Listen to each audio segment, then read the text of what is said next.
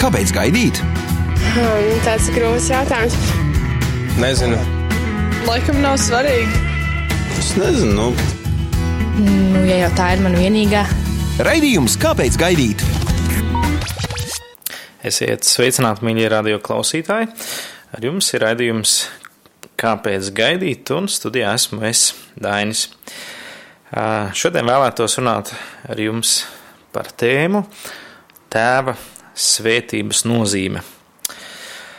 Mēs varam lasīt daudz gan svētajos rakstos, gan arī dažādu tautu kultūrās par to, ka ir normāli, ka vecāki svētī savus bērnus. Bet vai mūsu kultūrā tas ir ierasts, vai mēs to redzam, vai, vai varbūt, kad mums ir kaut kas iztrūcis no tā, ko patiesībā mēs redzam svētajos rakstos. Un tāpēc man liekas, ir svarīgi runāt par šo tēmu, jo ik pa laikam esmu sajūtis tādu pamudinājumu cilvēkiem piedāvāt aizlūgšanu, saņemt Dieva tēvs svētību, jo izrādās, ka šī cilvēka dzīvē nekad nav bijusi tāda tēva labvēlība, laba vēlējums, varētu teikt, ir iztrūcis kaut kas, kas ir ietekmējis gan viņa identitāti, pašvērtējumu, gan arī to, kā viņš dzīvo. Un tāpēc vēlētos šodien runāt par šo tēmu tēva svētības nozīme mūsu dzīvēm. Iesākšu ar kādu raksturvietu, kurā mēs varam lasīt par diviem brāļiem. Par brāļiem, kuriem, kuri sastopās ar šo problēmu, ka viens top tēva svētīts un otrs nē. Proti, pirmā mūzes grāmatā 27. nodaļā Uh, ir runāts par to, ka bija vecākais brālis Ēzavs un jaunākais brālis Jēkabs. Un, uh, un viņu tēvs Īzaks jau bija vecumā, sirmā vecumā, jau varētu teikt, tuvu uz nāmas gultas. Un pirms viņš vēl run, var parunāt, viņš izvēlas, ka viņš grib svētīt savu vecāko dēlu, jo tajā laikā tad pirmdzimtais bija, nu, tātad viņam bija šis mantojuma tiesības primārās. Bet kādā reizē Ēzavs bija ļoti izsalcis un, un prasīja Jēkabam ēst, un Jēkabs teica, labi, es tev uztaisīju, došu savu ēdamo, bet tu man dod pirmdzimtības tiesības, jeb, nu, varētu teikt, tiesības uz šo mantojumu. Un Ēzavs labi ņem un iemainīja to, kas patiesībā bija liela garīga svētība, un ne tikai garīga, bet arī materiāla, pret zupas šķīvi.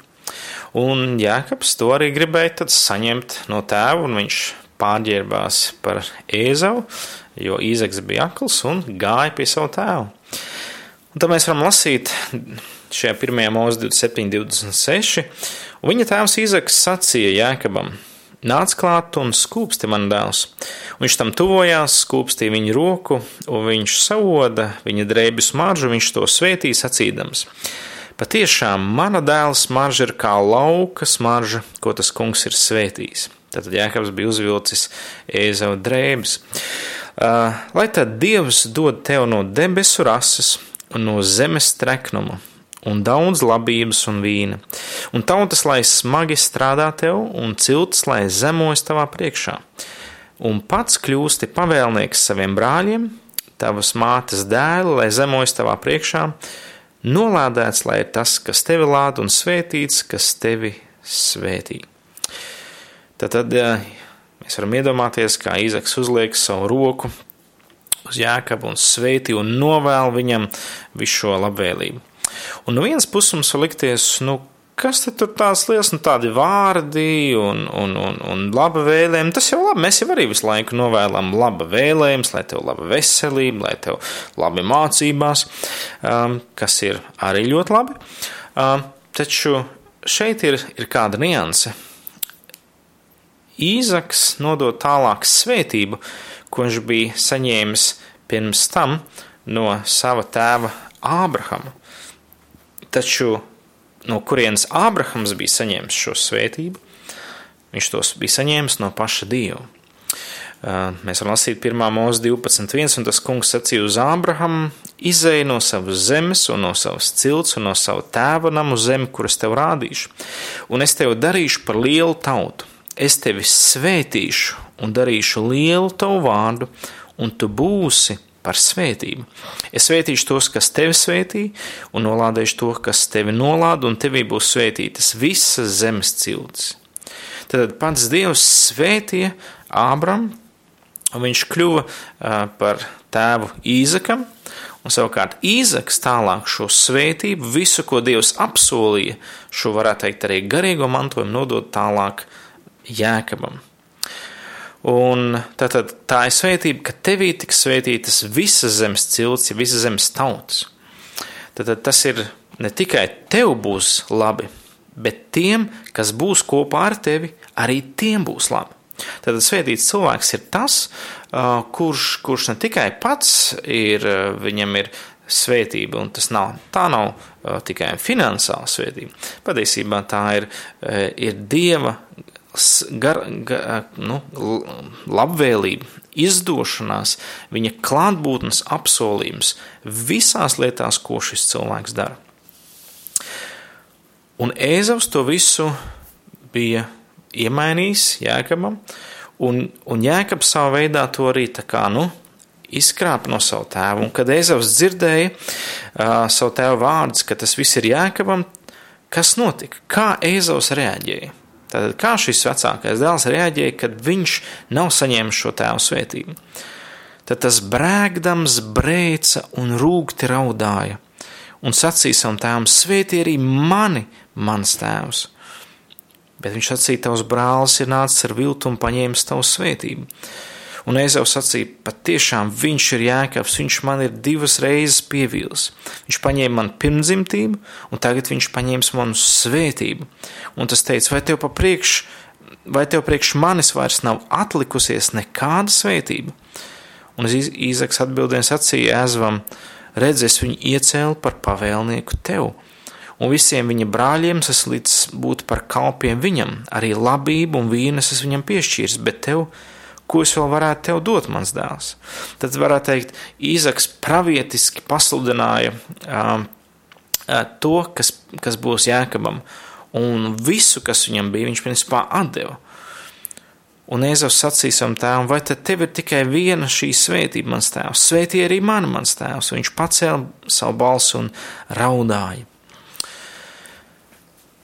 Tad te mēs no vienas puses varam redzēt, tad viens, kurš tiek svētīts, viņš viņā sāk darboties Dieva svētība. Mēs vēlāk zinām, ka Jēkabs tiešām kļuva gan bagāts, gan viņam bija daudz bērnu, tātad 12 dēli, bija daudzas lietas. Protams, bija lietas, kurās viņš bija netaisni rīkojas, tās viņam atspēlējās. Bet tēva svētība, kas, ko viņš novēlēja, lai Dievs viņam dod, tā viņā bija. Un interesanti, ka jūdu tauta joprojām šo tradīciju, savu bērnu svētīšanu turpina. To mēs ik, ik pa laikam varam, varam redzēt, cik ļoti svarīgi ir, ir, ir iegūt šo svētību.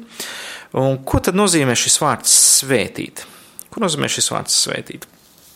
Tad ebreju valodā barak uh, tiešā nozīme šim vārdam ir um, nokrist uz ceļiem kāda priekšā.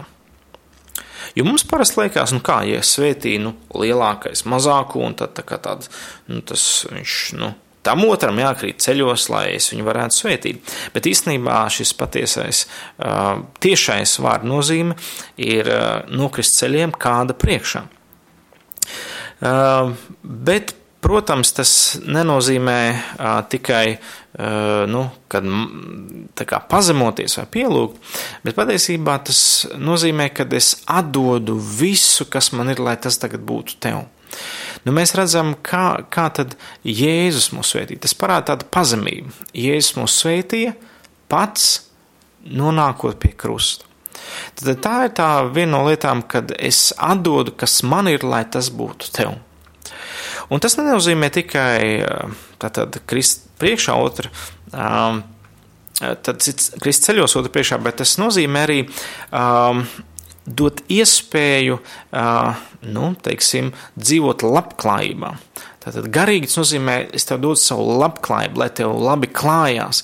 Lai, tas nenozīmē uh, tikai finansāli, tas nozīmē, es sveitīju tevi kā personību, sveitīju visu, ko tu dari. Sveitīju tavas attiecības, sveitīju tavu laulību, sveitīju tavu nākotni, sveitīju tavas vecumdienas. Tad, tad sveitīju tavu tev ar gudrību, es sveitīju uh, tavu veselību, es sveitīju uh, tavus īpašumus, lai tev visā šajās lietās labi klājas. Un, uh, un tas, tas ir kaut kā tāda ko mēs redzam, ja, ik pa laikam Bībelē šie vārdi es tev svētīju, es tev svētīdams svētīju. Citur mēs esam dzirdējuši arī, lai svētīts top tavs vārds, kur atkal mēs, kā cilvēki, svētījam Dievu, mēs svētījam viņu vārdu, mēs sakam, lai tavs vārds notiek, mēs dodam savu nu, labvēlību, atvērtību, lai Dieva griba notiek. Un mēs tātad varam svētīt arī viens otru, Un Dievs var arī svētīt mūs, ja, dot savu šo labvēlību, un ja, tad, tad tas nozīmē dot uh, savus resursus pie saviem, varētu teikt, resursiem. Es dodu tev atļauju, varētu teikt, tajos darboties. Es tevi atbalstu tajā, uh, ne tikai teorētiski, bet es tevi arī apsolu uh, atbalstīt. Tā ir tas, šis vārds nozīmē uh, to. Grieķu valodā, kur lietots vārds svētīts, ir eulegeo, kas atkal nozīmē runāt labi par kādu. Tad runāt par, par kādu labvēlīgus vārdus vai labus vārdus. Un tas nozīmē, ka tas saistīts arī ar vārdiem, kas par mums tiek teikti. Tātad, piemēram, nu, mēs varam runāt iedrošinoši, mēs varam teikt, Malacis, dēls, es, es tev novēlu, lai tev izdodas, teiksim, nu, šajā eksāmenā, vai lai tev izdodas šajās attiecībās. Es tev dodu labvēlību, teiksim, ar šo meiteni, ko tas izredzējis, lai jums ir laba ģimenes dzīve. Jo tas parāda, ka vecāks piekrīt dēla vai meitas izvēlēm un dod savu labvēlību un dod savu atbalstu tajā. Um, Un līdz ar to šis, šis princips, kad viņš sāka darboties cilvēku dzīvē, jau pie pašas radīšanas, ja mēs atšķiram pirmās mūzes grāmatu, pirmo nodaļu, 27. pantu, mēs skaidri redzam, ka šis princips jau sāks no paša sākuma. Tad Dievs jau no paša sākuma grib būt labvēlīgs cilvēkam. Tur teikts, un Dievs radīja cilvēku pēc sava tēla Pēc Dieva tēla viņš to radīja, vīrieti un sievieti viņš radīja. Un te teiks, un Dievs to svētīja un sacīja uz tiem: augļojieties un vairojieties, piepildiet zemi un pakļaujiet sev to, valdiet pār zivīm jūrā, putniem gaisā, katru dzīvu radījumu, kas rāpo pa zemi. Tad, tad Dievs nav ļauns, viņš ir labvēlīgs. Dieva būtība ir dot mums labu dot mums savu svētību, dot mums savu atbalstu. Līdz ar to varētu teikt, Dievs deva atbalstu Ādamu un Ievas attiecībām. Bet tad paskatīsimies otrādi. Vai var būt tā, ka ir kādas attiecības, kurām Dievs nedod savu atbalstu un svētību? Jā, tā var būt. Līdz ar to Tāpēc ir tik ļoti svarīgi saprast, vai pats Dievs dod atbalstu tām attiecībām, kas ir man. Tātad, vai tā, tā draudzene, vai tas draugs, vai tā ir Dieva griba, vai Dievs to atbalstīs. Un vai tas, ko mēs ar viņu darām, arī vai tas ir Dieva atbalstīts, vai tas dod svētību, vai, vai, Dievs, vai Dievs ir svētījis mūs. Un, un te ir teikts, tātad pirms viņi augļojās un vairojās, Dievs deva savu labvēlību.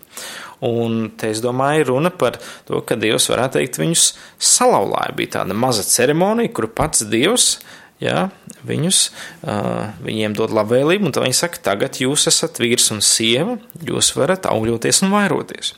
Un te mēs redzam šo principu, cik ļoti svarīgi, uh, kad attiecības netiek uzsākts ārpus Dieva gribas, ja mēs gribam pār tām svētību. Nu, teiksim, ir kādi cilvēki, kas nelaulājušies dzīvo kopā un saka, o, mums ir tādas un tādas problēmas. Tad mēs varam teikt, nu, bet, protams, jūs taču to darat bez Dieva svētības. Jūs taču to darat ārpus viņa gribas. Un kādu, kādu svētību jūs gribat saņemt? E, tur, tur nav ko daudz gaidīt. Un līdz ar to tāpēc ir ļoti svarīgi saprast, ka uh, svētība uh, ir, ir, ir, ir Dieva uh, palīdzība manā turpmākajā rīcībā. Vai Jēzum vajadzēja svētību? Viņš taču jau bija svēts, viņš bija Dieva gribā, bet mēs redzam, ka arī pār viņu Dievs deva savu labvēlību. Lūkas 3, 21, 22. Ir teikts, un kad visi ļauns likās kristieties, arī Jēzus bija kristīts. Un tad viņam Dievu lūdzot, debesis piepieši atvērās, un svētais gars redzamā veidā uz viņu kā balūds nolaidās, un balss atskanēja no debesīm: Tu esi mans mīļais dēls, uz tevi man labs prāts. Tātad svētība ir ne tikai dot kaut kādu resursu nodrošinājumu, tas patiesībā izdara divas lietas. Viena no lietām viņa pasaka par manu identitāti, kas es esmu tā, tās personas acīs, kas mani svētī, un otrs tas pasaka kaut ko par manu aicinājumu, ja par manu likteni. Tad viens par to, kas es esmu, un otrs par to, kas man būs jādara. Tad, tad te Dievs skaidri pasaka, Jēzus identitāti, šis ir mans mīļais dēls. Un cik daudz mēs esam dzirdējuši no saviem tēviem šādus vārdus: Šis ir mans mīļais dēls, šī ir mana mīļā meita. Ko bērnam izdara šādi vārdi, kad vecāks šādu labvēlību dod? Te viņam liek justies mīlētam, pieņemtam, vērtīgam. Nu, viņš vienkārši jūtas, jā, ar mani viss ir kārtībā, jo pār mani ir izskanējuši vārdi. Šis ir mans mīļais dēls, šī ir mana mīļā meita. Un otrā lieta, kas tad man īsti ir jādara? Kas tad ar mani notiks? Kas tad uh, ir tā mana būtība? Kad Īzaks sveitīja jēka, viņš teica, tu būsi pavēlnieks tu valdīsi, citas tautas tev kalpos. Nu, padomāsim, vai šī svētība, ko Īzaks pasludināja pār Jēkabu, tātad pār Izrēlu, Jēkab vārds ir Izrēls, kas ir valda kā kungs, tātad valda kā dievs, un tas ir pār Izrēla tautu. Vai Izrēla tautā mēs pamanam, ka šī svētība darbojās? Nu, ja mēs paņemam tīri statistiski, tad nu, mēs varam piemēram ieraudzīt, ka um, 40% uh, no bagātākajiem amerikāņiem um, ir ebreji. Uh, viena trešā daļa no Amerikas multimiljonāriem arī ir teikts, ka tie ir ebreji, jūdi. Jēkaba pēcnācēji. 25% profesoru vadošajās universitātēs ir ebreji. Tas ir par Amerikas statistiku. 40% vadošo firmu vadītāji Ņujorkā un Vašingtonā ir ebreji. 30% Amerikas Nobelprāzes prīzes balvas ieguvēji zinātnē, un 25% Nobela prēmijas ieguvēji ir arī jūdi. Tad 30% un, un uzvarētāji 25%. Tad nominēti ir viena, bet, bet uzvarētāji ir citi. Tātad, respektīvi, mēs varētu vēl, vēl daudz skatīties šo skaitļus. Un atbilde ir vienkārša. Pār viņiem darbojas šī svētība. Un ebreju kultūra joprojām to turpina. Droši vien, ka ne visi, bet liela daļa. Tātad viņiem ļoti svarīga ir ģimene, ļoti svarīgi ne tikai senči, ne tikai tagad, bet bērni un viņu labvēlība. Nu, piemēram, es dzirdēju tādu piemēru, nu, mēs zinām piemērus, kad, teiksim, mēs kādreiz atnākam, esam atnākuši bērnībā mājās vai prom, un, un mēs, teiksim, esam sasmērējušies, un atnākam, teiksim, ar, ar atzīmi, kura ir, piemēram, nu, divnieks, jā, vieninieks vai kaut kā tālāk. Un tad mēs dzirdam dažādas svētības pēdiņās pār mūsu galvām. Jā, bieži vien nu, tu esi tāds un tāds, tu būsi kā tavs tēvs, vai pēc ko tu izaugs. Un vispār mēs, mums tā kā ar lāstiem gandrīz apkrauj. Nu, tad mēs tagad tādiem lāstiem apkārt staigājam. Bet, bet es dzirdēju vienu interesantu veidu, kā, kā e, ebreja mamma pamācīja savu, savu dēlu, ka viņš atnāk mājās ar divnieku, un, un viņam saka, uh, Jozef, kā tā tā, tu taču esi nākamais profesors. Ja? Mēs ieraugām pilnīgi citu veidu, kā reaģēt, reaģēt uz nu, bērnu kļūdām. Jau saskatot, paga, paga, nu, tas vispār nev nepiestāv. Um, tad Kādā veidā tad notiek šajā kultūrā, nedaudz izpētot, ir, ir, ir dažādas veidi, kā ebreju kultūrā notiek šī svētīšana. Tad, tad, un varbūt ir kaut kas, ko mēs varam no tā mācīties, paņemt, jo mēs vienkārši redzam fakti, joprojām runā savu. Tad viens ir tas, kas ir, ir, ir, ir gan pie Bībelē mēs redzam, gan, gan dažādos svētkos, ka notiek šī svētīšana pār tādām septiņa veida, nu, teiksim, brīžos. Tātad septiņ, septiņās situācijās notiek šī svētīšana. Tad pirmkārt, kad tiek bērns ieņemts, ir ļoti svarīgi, ka tas ir notiek ar svētību.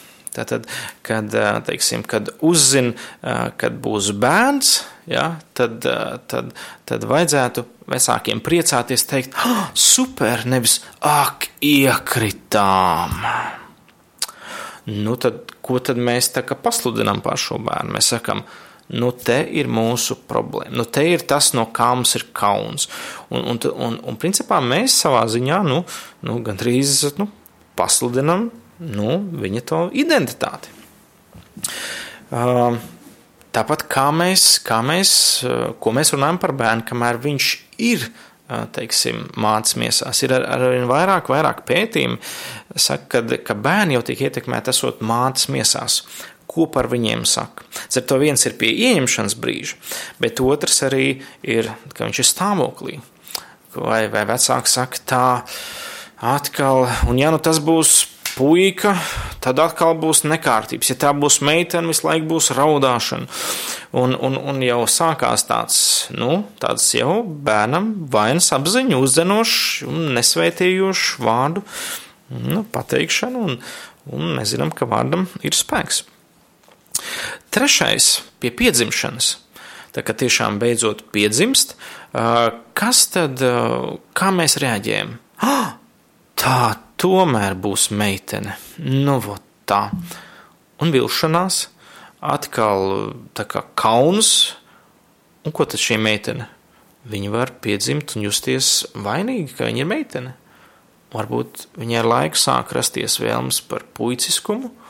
Viņa sāk ģērbties puiciski, uzvesties puiciski, un viņa atstum savu dzimumu un iedomā, ka ir puicisks, varbūt kā puika, un varbūt pat var sākt domāt, ka varbūt ka jāmaina dzimums.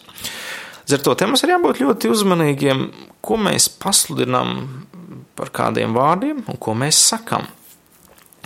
Ja bērnam liek justies vainīgam par viņa dzimumu, var rasties problēmas, ka viņš var atstumt savu dzimumu, un kaut kādā veidā nu, viņā var notikt šīs savu veidu dvēseles, nu, teiksim, tāda salauztība, savainojuma, sakropļotība, kā veidā viņš var noslēgties arī uz homoseksualitāti.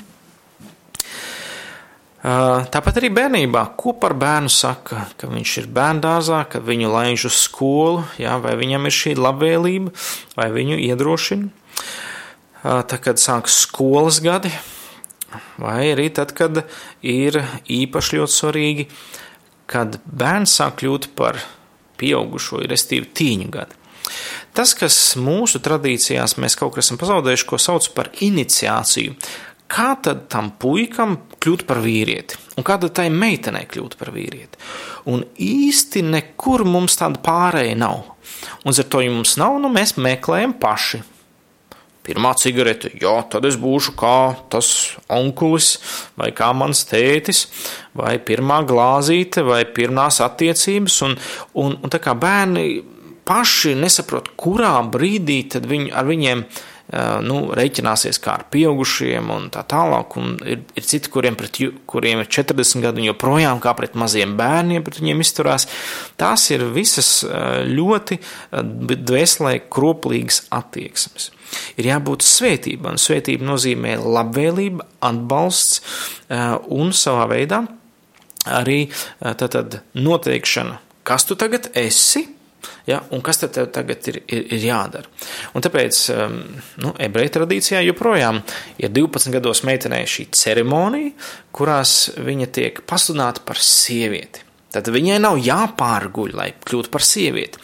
Viņai vecāki saka, tagad tu esi sieviete, tagad tu, tu uzņemies šo atbildību. Un viņi viņu svētī. Un 13 gados tā notiek ar puiku. Ir konkrēta ceremonija, kurā šim puikam um, nu, īpaši tiek um, pasunāts šie vārdi, ja, ka viņš teikt uzņems atbildību kā vīrietis, viņš ir atbildīgs par savām attiecībām ar Dievu, viņam tagad ir nu, jāsāk citādāk domāt. Un kopš tā brīža viņš saprot, aha, tagad, tagad ir tas brīdis, tagad es sākšu pieaugt. Un, uh, un es domāju, ka tas ir ļoti, ļoti labi. Tā ir ļoti laba lieta, par ko mums vajadzētu domāt. Arvien vairāk, vairāk grāmatu ir par šāda veida nu, teiksim, ceremonijām un par tādu iniciāciju un vecāku svētību. Piemēram, Kreks Hills savā grāmatā The Power of Parents Blessing, jeb vecāku svētības spēks, viņš uzskaita šīs septiņas nu, reizes, jeb laika vai notikums cilvēka dzīvē, kad ir jālūd, jāizlūdz īpaši vecāka svētība. Tad, pie pieņem, tad, kad tiek ieņemts bērns, tad, kad viņš, stā, tad, kad viņš vēl ir mācīsies, pie piedzimšanas, tas ir trešais, ceturtais bērnība, piektais šie tīņu gadi, sestais ir došanās laulībā, lai vecāki var svētīt šos Um, tātad šo jau pieaugušo vīru, vīrieti un šo pieaugušo sievieti, lai, lai viņu bērni iet laulībā ar vecāku svētību, ar vecāku labvēlību. Un, diemžēl ir daudz, kur nav vecāku labvēlības, daudzām attiecībām un dažādu, dažādu iemeslu dēļ. Un nedaudz mēs runāsim par to, ja man nav tēvs, vai man nav pat māte, vai man nav šīs svētības, ko es varu darīt, kur es to varu saņemt. Un, uh, un septītais ir arī, uh, kad, uh, kad vecāki jau ir vecumā, kad mēs viņus svētījam, ka mums ir šīs svētījušās attiecībās, attiecības ar saviem vecākiem, un mēs arī saņemam, protams, viņu labvēlību atpakaļ. Tātad, kā, kā mūsu dzīvē ir ar šo svētības došanu, saņemšanu? Nu, ko darīt, ja, ja es to neesmu saņēmis? Kādas, kādas var būt sekas? Nu, varbūt visu laiku tāda iekšēja sajūta, ka es neesmu vērtīgs, ka es neesmu pietiekami labs, ka e, mani kā mani neviens nevar īsti pieņemt un mīlēt. Man ir jācenšas dažādos veidos kaut kā sev pierādīt, un ar to es varu varbūt vēl piekrist, vienmēr būt tam labajam tēlam. Tāpēc, ka iekšpusē ir ļoti liela nepārliecība, mazvērtība par sevi, par to, kas es esmu. Tad, ja nav bijis šāda vecāku svētība, pieņemšana, ja tu esi mans mīļais dēls, tu esi man mīļā meita, tu esi brīnišķīgi skaists, vai tu esi gudrs un stiprs, un es tev svētīju ar labvēlību. Mūsos var šī tukša, joprojām šī vieta būt tukša. Vēl varbūt agresijas liekas, dusmas, Īpaši tajos brīžos, kad mūs pakritizē, ka mūs pamāca, ka pasaka, vai mums neklausa, piemēram, kad mēs nevaram vairs kontrolēt, mūsos var uzsprāgt šī agresija, jo mums taču tagad jāpierāda, ka es kaut kas esmu, kā pret mani tā var izturēties. Es taču. Un, un te bieži vien mēs uh, izrādām šo svētības trūkumu caur agresīvu. Vai arī mēs cenšamies to kompensēt kaut kādos veidos, cenšamies šo atstumšanas sajūtu kaut kā uzvarēt, kaut kā būt, piedalīties visur un, un, un būt tam labajam. Jau gan iekšpusē, nu, tur zinām, ka no labuma esam tālu. Līdz ar to mēs varam uzdot tādus kontrolas jautājumus sev par, ja, ja no šīm lietām ko es izrunāju šiem pieņemšanas brīdi, vai varbūt, kad man ir iztrūkusi mana tēva, mātes svētība, un tas ir palicis iekšpusē, un, un viņa vārdi vai viņa attieksme joprojām ietekmē mani. Piemēram, vai es biju gribēts un vēlams šajā ģimenē? Ir cilvēki, kas jūtas vainīgi, kad patiesībā viņi nav gribēti. Uz ar to pie ieņemšanas brīža iespējams bijusi iztrūkusi vecāka labvēlība. Bet Dievs gan tā neuzskata. Dievs uzskata, nē, tu esi gribēts. Ja Dievs tev deva dzīvību, caur mātēvu, viņš tevi gribēja. Un šī raidījuma noslēgumā es gribēju vienkārši lūgt, kā mācītājs Dieva tēva svētību labvēlību pār tevi. Ja gadījumā tu kādā no šīm lietām Tur bija iztrūkums, vienkārši svētības iztrūkums. Vai varbūt vai tu bērnībā, vai tu esi bijis pieņemts un drošībā, vai tev, tevi pieņēma, vai tu jūties piederīgs savai ģimenei? Vai tev bija šī piederības sajūta? Jā, tā ir mana ģimene, tas ir mans tētis un mamma. Vai pieņēma kad tu piedzimi tevi, kāds tu esi? Vai tāds, kāds tu izskaties? Vai bija labvēlība tavam izskatam no tēva, no mātes puses, vai tavam dzimumam, vai tātad tādam, kādu Dievs tev radījis? Vai kāds rūpējās par tevi? Pat ja tu liekas, ko citi saka, bet nu, tomēr tik aprūpēts. Vai bija šī labvēlība par tevi, kāds tu piedzimi, kāds tu biji? Vai bērnībā tev bija kāds, uz kur pilnībā paļauties? Vai bija kāda labvēlība, kas tev lika justies droši? Jā, es tevi svētīju, es esmu ar tevi, lai arī kas būs, es tevi neatstāšu un nepametīšu. Vai bija kāds, kas ir stiprāks un gudrāks par tevi, kura labvēlību tu varēji baudīt? Mēs to varētu teikt kā tādas stipras mūris apkārt, apkārt vai dvēselē, tāds svētības mūris, ka tev nebija daudz jābaidās. Jā, bija tur kaimiņš suns un bija vēl kāda puikas uz ielas, bet nu, kopā tu zināji, tev ir aizmugure. Vai tīņu gados, um, kam vajadzēja tevi padarīt par vīrieti vai sievieti, vai tu tevi, tevi tā, ka tu iegāji šajā periodā, vai vecāki teica tā, tagad tu audz, tagad, tagad tev jākļūst pieaugušam, un mēs tevi atbalstam. Uh, ja, vai pret tevi adekvāti izturējās, vai tomēr vēl līdz 18, 19 gadiem tev tur izturējās kā pret mazu bērniņu. Vai bija svētība, ja tu jau esi precējies, piemēram, vai bija svētība tavām attiecībām, tavai laulībai, es tieši gribētu teikt.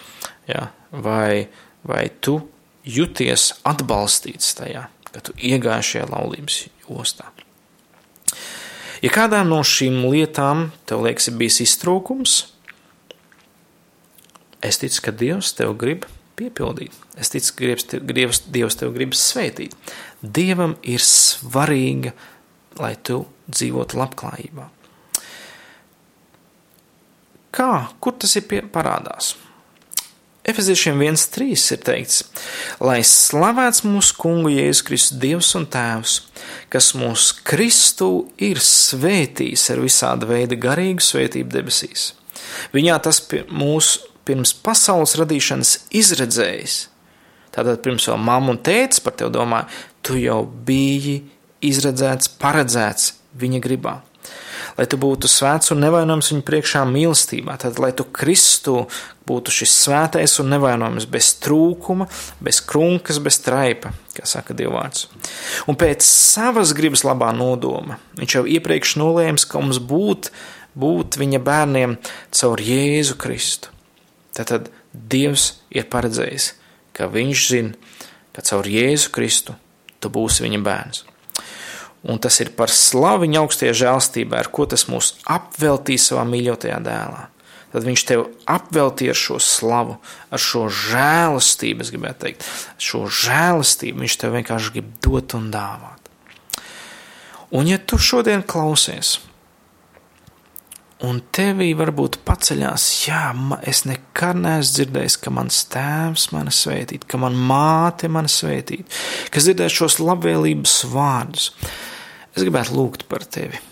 Es gribētu kā mācītājs vienkārši šajā brīdī pasludināt tev Dieva tēva svētību. Un tur, kur tu esi, varbūt tu esi viens, ļoti labi, ja tu neesi viens, bet tev uzrunā, aizej varbūt kādā istabā, kur tu vari būt viens. Un saņem šajā brīdī vienkārši Dieva tēva labvēlību. Lūksim, nāksim pie Dieva tēva saņemsim to svētību, ko Jēzu Kristu Viņš tev ir paredzējis. Debes Tēvs, es tev pateicos, ka tu esi izredzējis un paredzējis, ka šim cilvēkam bija jāpiedzimst. Paldies, ka tu priecājies, ka viņš tika ieņemts mātes miesās un paldies, ka tu saki, es tevi svētīju. Es biju klāt tavā piedzimšanas brīdī. Caur Jēzu Kristu es tevi esmu darījis par savu bērnu, un tu esi mans mīļais dēls un mana mīļā meita. Un tu esi brīnišķīgi radīts, lai dzīvotu kopā ar mani un lai darbotos un strādātu šeit kopā ar mani. Paldies, Tēvs, ka tu saki, es tev dodu savu labvēlību, es tev svētīju un apgaismoju savu vaigu pār tevi.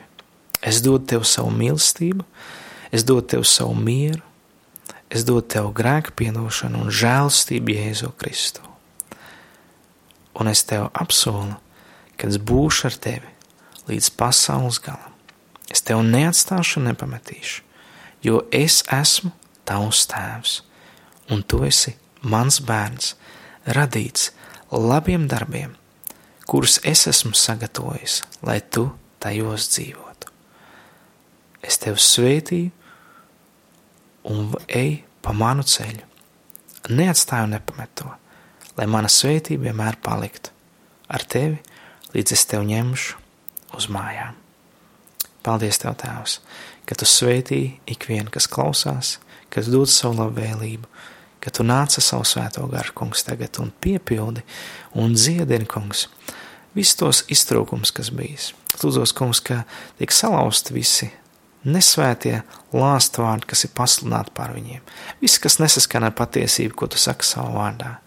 Kungs, ka aiziet, kungs, viss šīs lāstsekas un viss tumsība, kas stāvēs šiem lāstiem, bet lai nāk tavs svētā gara klātbūtne, tavs miers un tava mīlestība. Paldies, Tev, Tēvs, ka Tu neatstās un nepametīsi, ka Tu būsi klāt ar ikvienu.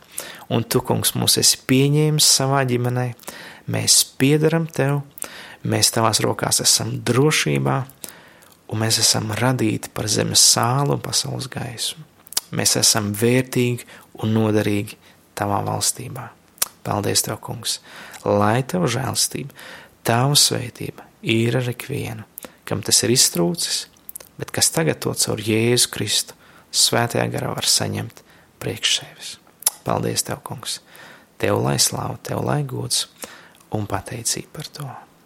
Un lai debes Tēvs Tev svētī un pasargā, lai Viņš apgaismo savu vaigu pār Tev un ir Tev žēlīgs, un lai tas kungs, Tavs Dievs, debes Tēvs, paceļ savu vaigu uz Tevi un dod Tev mieru.